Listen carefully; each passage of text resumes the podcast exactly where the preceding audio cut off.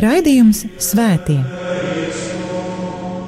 Katrā laikmetā ir dzīvojuši daudz svētie, un katrai paudzei tie ir un paliek kā dzīvās ticības liecinieki.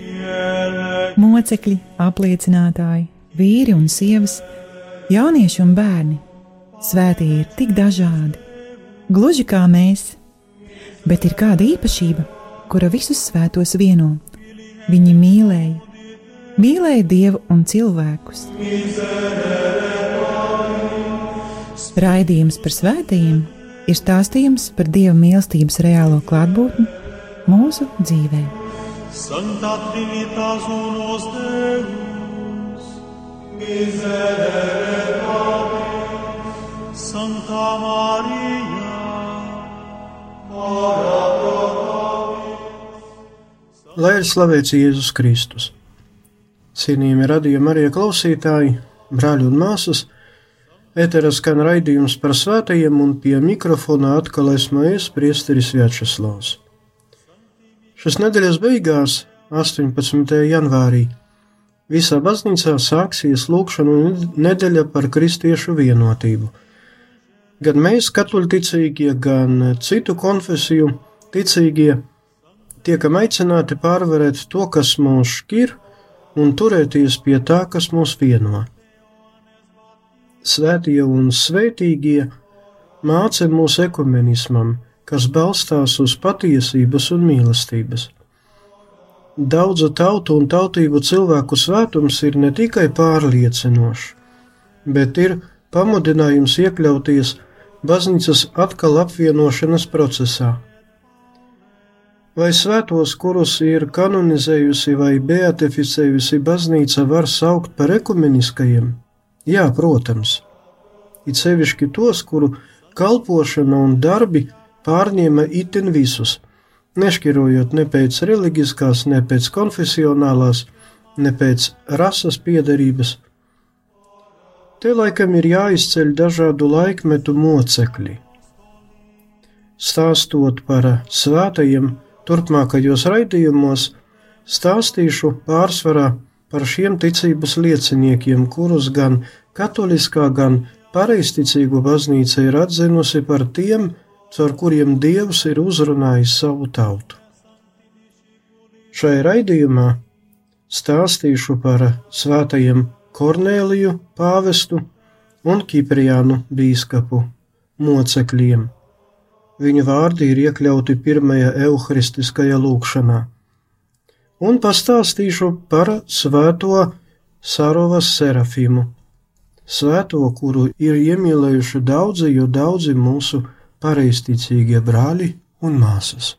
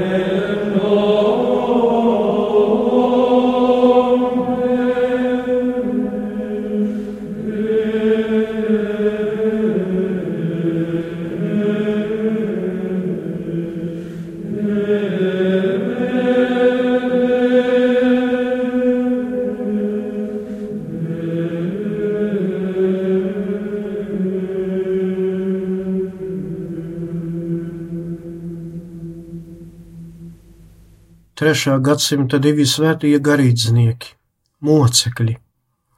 Svētais Kornelijs pāvests un svētais Kipriāns Kartāgas bīskaps. Svētie, kuri, ja tā var pateikt, ļāva tiem, kuri bija pakrituši, atgriezties baznīcas kopienā. Svētajam Kipriānam tika piespriests nāves sots. Šo lēmumu viņš uztvera mierīgi un pat samaksāja naudas summu savam bendem. Svētais Kornelijs bija Romas bīskaps. Par bīskapu viņu ievēlēja lielākā daļa no Romas kristiešiem, kuru, kā uzskata vēsturnieki un pētnieki, toreiz Romā bija ap desmit tūkstošiem.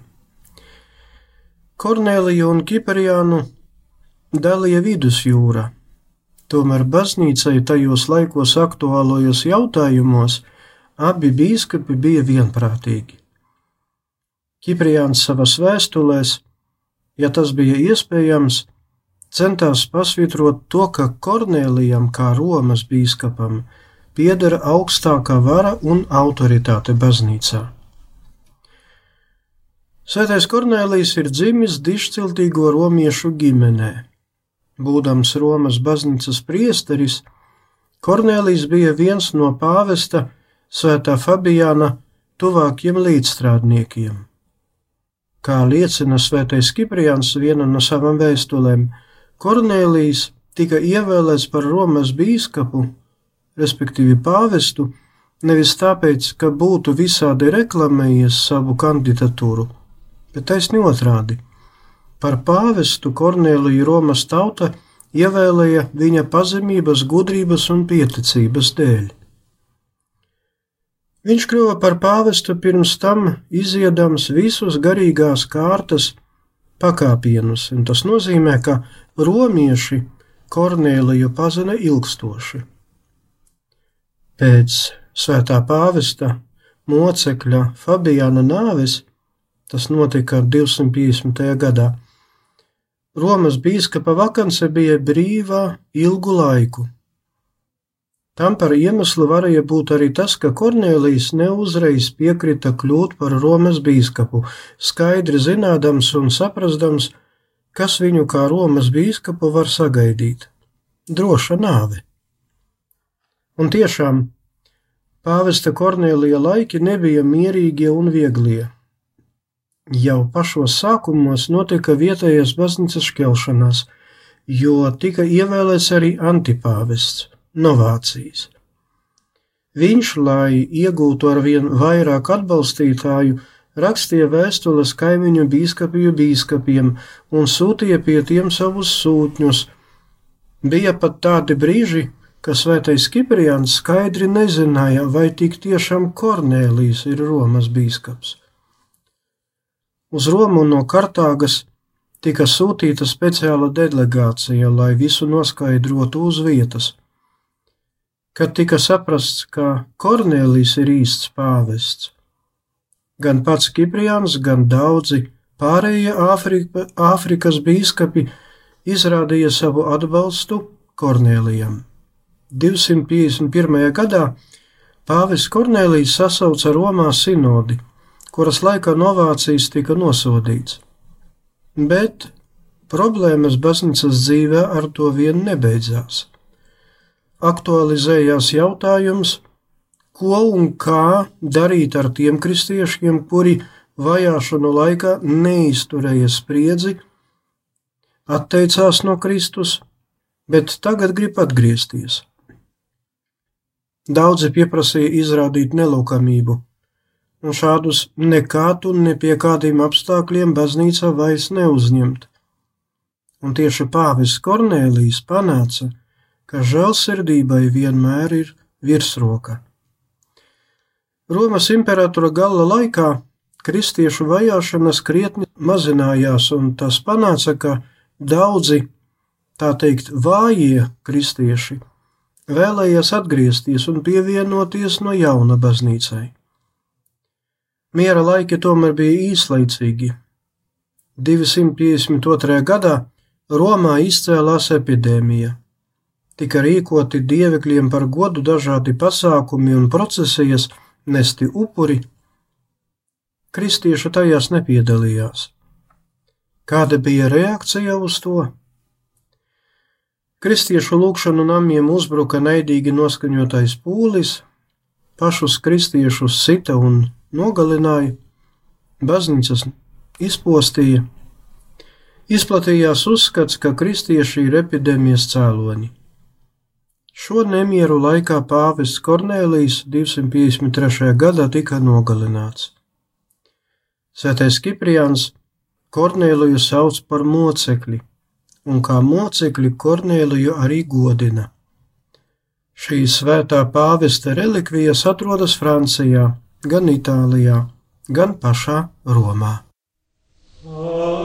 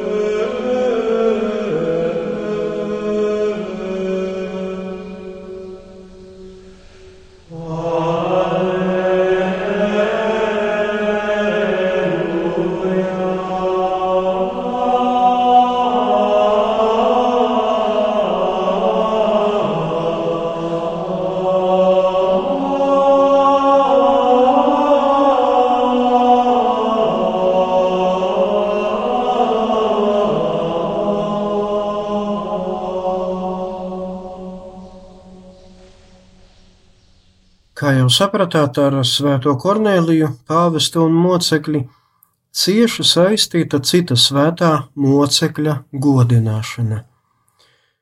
Katru gadu 16. septembrī, dienā, kurā tiek godināts Svētais Kornēlijs, Romas pāvests un moceklis, tiek godināts arī Svētais Kartāgas bīskaps Kipriāns. Viņš piedzima Āfrikā, Kartāgā pilsētā, kura piedzima slavenais Hanibals Barka, senators un karavadonis. Piedzima ap 210. gadu pagānu ģimenē. Kipriāna tēvs bija senators un, ja tā var pateikt, vietējā slavenība. Kipriāns ieguva labu, atbilstošu tam laikam izglītību. 246. gadā Kipriāns pēc nopietnas sagatavošanās pieņēma kristību. Tas izsauca tik dziļas pārmaiņas jauna cilvēka dzīvē, ka viņš nolēma sevi veltīt kalpošanai dievam un baznīcai. Ap 258. gadu Kipriāns tika iesvētīts par priesteri, bet gadu vēlāk vietējā kristiešu draudzē ievēlēja Kipriānu par savu bīskapu un jaunais bīskaps ar lielu dedzību un entuziasmu ķērās pie savas kalpošanas darba. Centās celt morāles līmenī vietējos, centās panākt dažādu maldu un kļūdu pārvarēšanu starp ticīgajiem un centās būt par labu dedzīgu misionāru, jo dzīvoja taču starp pagāniem. Tomēr to visu pārtrauca viena no asiņainākajām vajāšanām, kuras ar savu pavēli izsauca Romas imperators Dēcijas. Vajāšanas kaut arī bija īslaicīgas, tikai divi gadi, baznīca tomēr šo vajāšanu laika burtiski tika noslīcināta asinīs. Dēcijas vēlējās, lai impērijas iedzīvotāji viņu godinātu kā dievu Kristieši to nedarīja, un līdz ar to kļuva par imperatora un visas impērijas ienaidniekiem numur viens. Īpaši tika vajāta garīdzniecība. Tas pats Kiprians Dēciju nosauca par visu dieva priesteru nenogurstošu vajātāju un tirānu. Tieši tajos laikos, kā mocekļi nomira svētais pāvis Fabians, svētā Agate, Svētā Aleksandra, Svētais Babils no Antiohijas, Svētā Marta no Spānijas un daudzi, daudzi citi. Svētais Kipriāns toreiz neaizgāja bojā tikai tāpēc, ka laikus paspēja paslēpties drošā vietā. Pēc Dēcija nāves Svētais Kipriāns atgriezās uz Kartāgu un sastapās ar citu problēmu. Daudzi kristieši vajāšanu draudu priekšā atteicās no ticības un tagad vēlējās atkal pievienoties baznīcai. Daži teica, ka nē, tādus nedrīkst pieņemt atpakaļ, citi bez jebkādām sankcijām uzņēma tos atpakaļ baznīcā. Sasaucis vietējās baznīcas provinces sinodi, Svētais Kipriāns panāca lēmumu, ka tos, kuri vēlās Pievienoties atpakaļ baznīcai ir jāuzņem, bet ar apsolījumu, ka, ja izcelsies nākamās vajāšanas, viņa tomēr paliks pie baznīcas, izturēs ticībā. Svētais Kipriāns uzrakstīja šai problēmai veltītu traktātu par baznīcas vienotību. Pēc kāda laika vēl vienu par pakritušajiem. Kad Kartāgu, tāpat kā Romu, piemeklēja epidēmija, tika izdota pavēle rīkot pārlūgumu procesijas dievekļiem par godu un tika nesti dažādi upuri. Kristieši nepiedalījās tajās. Svētais Kipriāns atkal ķērās pie rakstams spalvas un uzrakstīja vēl vienu traktātu par nemirstību.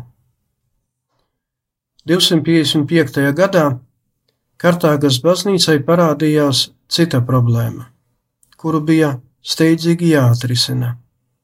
Vai ir jākrista no jauna tos, kuri bija iekrituši herēziju maldos un atgriezušies un atkal vēlās pievienoties Kristus baznīcai? Roma uzskatīja, ka ja kristība bija atbilstoša visiem nosacījumiem, ir un paliek derīga. Āfrikas bīskapi tomēr uzskatīja citādāk. Nav zināms, kā viss atrisinātos, ja neizceltos kārtējās kristiešu vajāšanas, kuras, kuras panāca imperators Valerians. Šo vajāšanu laikā kā moceklis mīra svētais Kipriāns.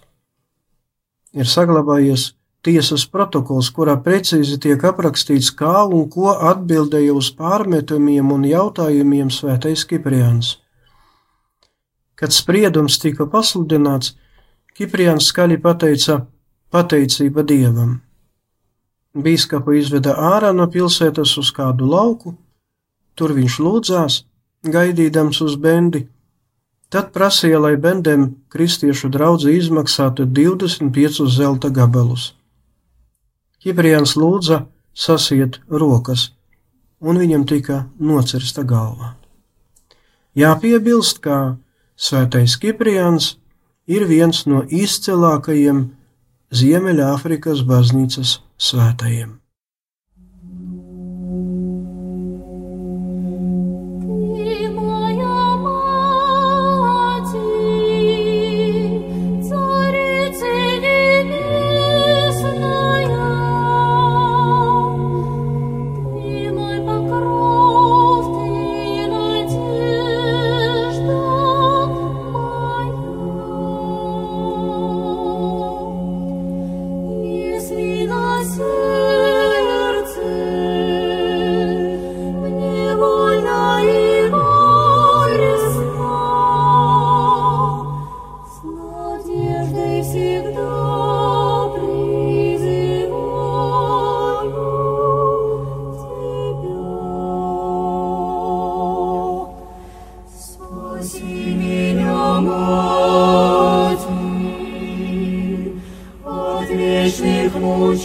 you.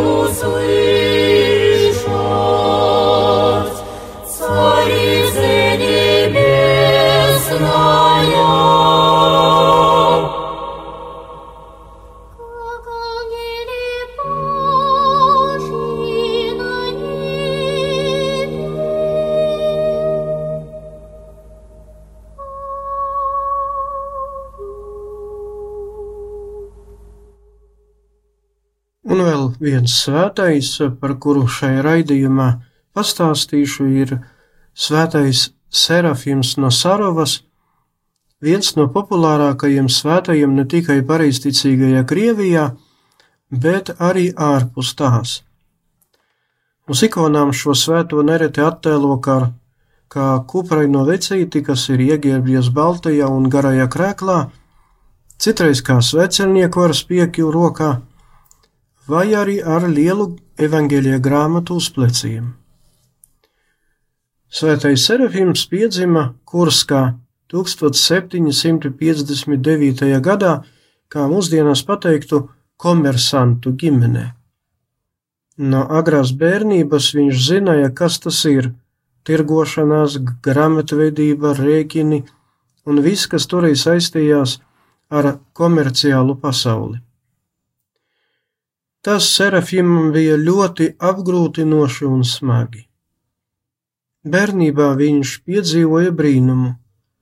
Dievmāte izglāba Serafimu, kad viņš bija nokritis no zvanu torņa un bija tuvu nāvei.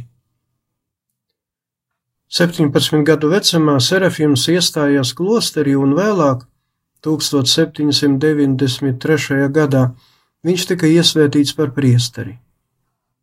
Pēc kāda laika, jusdams sevi aicinājumu uz vēl lielāku vientulību un īpašu kalpošanu dievam, Serafims izlūdzās atļauju no klostera vadības attālināties no klostera un dziļa meža biezoknī uzbūvēt sev vientuļnieka būdiņu.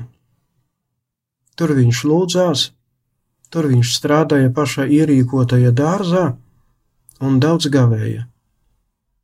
Ļoti bieži no tā, ko pašam vajadzēja ēst, Serafīms atdeva lāčiem, vilkiem un citiem dzīvniekiem. Meža vientulībā Serafīms nodzīvoja apmēram 20 gadu. Trīs no tiem no 1807. līdz 1810. gadam viņš lūdzās stāvēdams ceļos uz akmens. Visus šos trīs gadus, ieraudzīdams cilvēku, viņš krīta uz vaiga un apsedza galvu un neizdeva neskaņas. Atgriezies klosterī, viņš nākamos piecus gadus neizgāja no savas celles un nevienu tajā neielaida.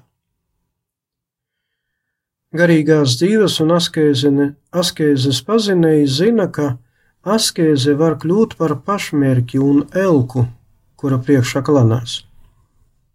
Svētais Serafims saprata, ka daudz ko ir sasniedzis askēzes un gandaras ceļā.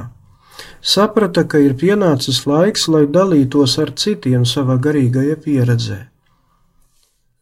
Un svētā Serafima celle kopš tā laika kļuva, ja tā var un drīkst pateikt, par caurstaigājumu pagalmu. Nāca ārkārtīgi daudz cilvēku, gan privāti, gan grupās, un lūdza padomu, aizlūgšanu, atbalstu. Notika arī dziedināšanas brīnumi pēc tam, kad Serafims lūdzās un svaidīja slimnieka pierā ar eļļu no lampiņas, kas dega ikonas priekšā. Ikona bija tikai viena Serafima cellē - dievmātes ikona, kuru sauc par maigums vai krieviski umilēņie. Tūkstošiem cilvēku pēc sarunas ar svēto Serafimu atrada izēju no grūtām situācijām, gāja pie grēku sūdas, izlīga ar līdz cilvēkiem. Svētais Serafims nevienu neatraidīja, visus mierināja, izrādīja žēlsirdību un līdzjūtību. Šim svētajam piemeta kaut kas ļoti īpašs. Neatkarīgi no tā, kas ienāca viņa cellē, vai svētais vai grēcinieks, viņš visu sveicināja: Mans prieks, Kristus ir augšām celies. Un viss, jo šajos vārdos ir apslēpta visa kristietība. Vēl īpaši svētajam serafīm, serafīmam bija tas, ka par dzīves mērķi viņš uzskatīja svētā gara meklējumu. Visu, ko cilvēks dara, lūdzas, gavē, tuvāk mīlestības darbi, tas viss ir tikai līdzekļi, bet mērķis ir viens - iegūt pēc iespējas vairāk no svētā gara. Svētais Serafims ir dzimis debesīm 1833. gadā 14. janvārī Saravā. Svēto kārtā tika iecelts 1903. gadā. Lūksimies! Kungs Dievs, Tu pats esi pilnīga vienība un patiesa mīlestība. Vieno visu ticīgo sirdis un dvēseles, un stiprini savas baznīcas vienību, kuru tu esi dibinājis uz savas patiesības pamata. To lūdzam caur Jēzu Kristu, mūsu kungu. Amen! Liels paldies par uzmanību, lai ir slavēts Jēzus Kristus! Raidījums Svētie. Katrā laikmetā ir dzīvojuši daudz svētie, un katrai paudzei tie ir un paliek kā dzīvās ticības liecinieki. Mocekļi, apliecinātāji, vīri un sievas, jaunieši un bērni. Svētie ir tik dažādi, gluži kā mēs, bet ir kāda īpašība, kura visus svētos vieno. Viņi mīlēja, mīlēja Dievu un cilvēkus. Raidījums par svētījumiem ir stāstījums par Dieva mīlestības reālo klātbūtni mūsu dzīvē. Santa Trinitas unos Deus, miserere Santa Maria, ora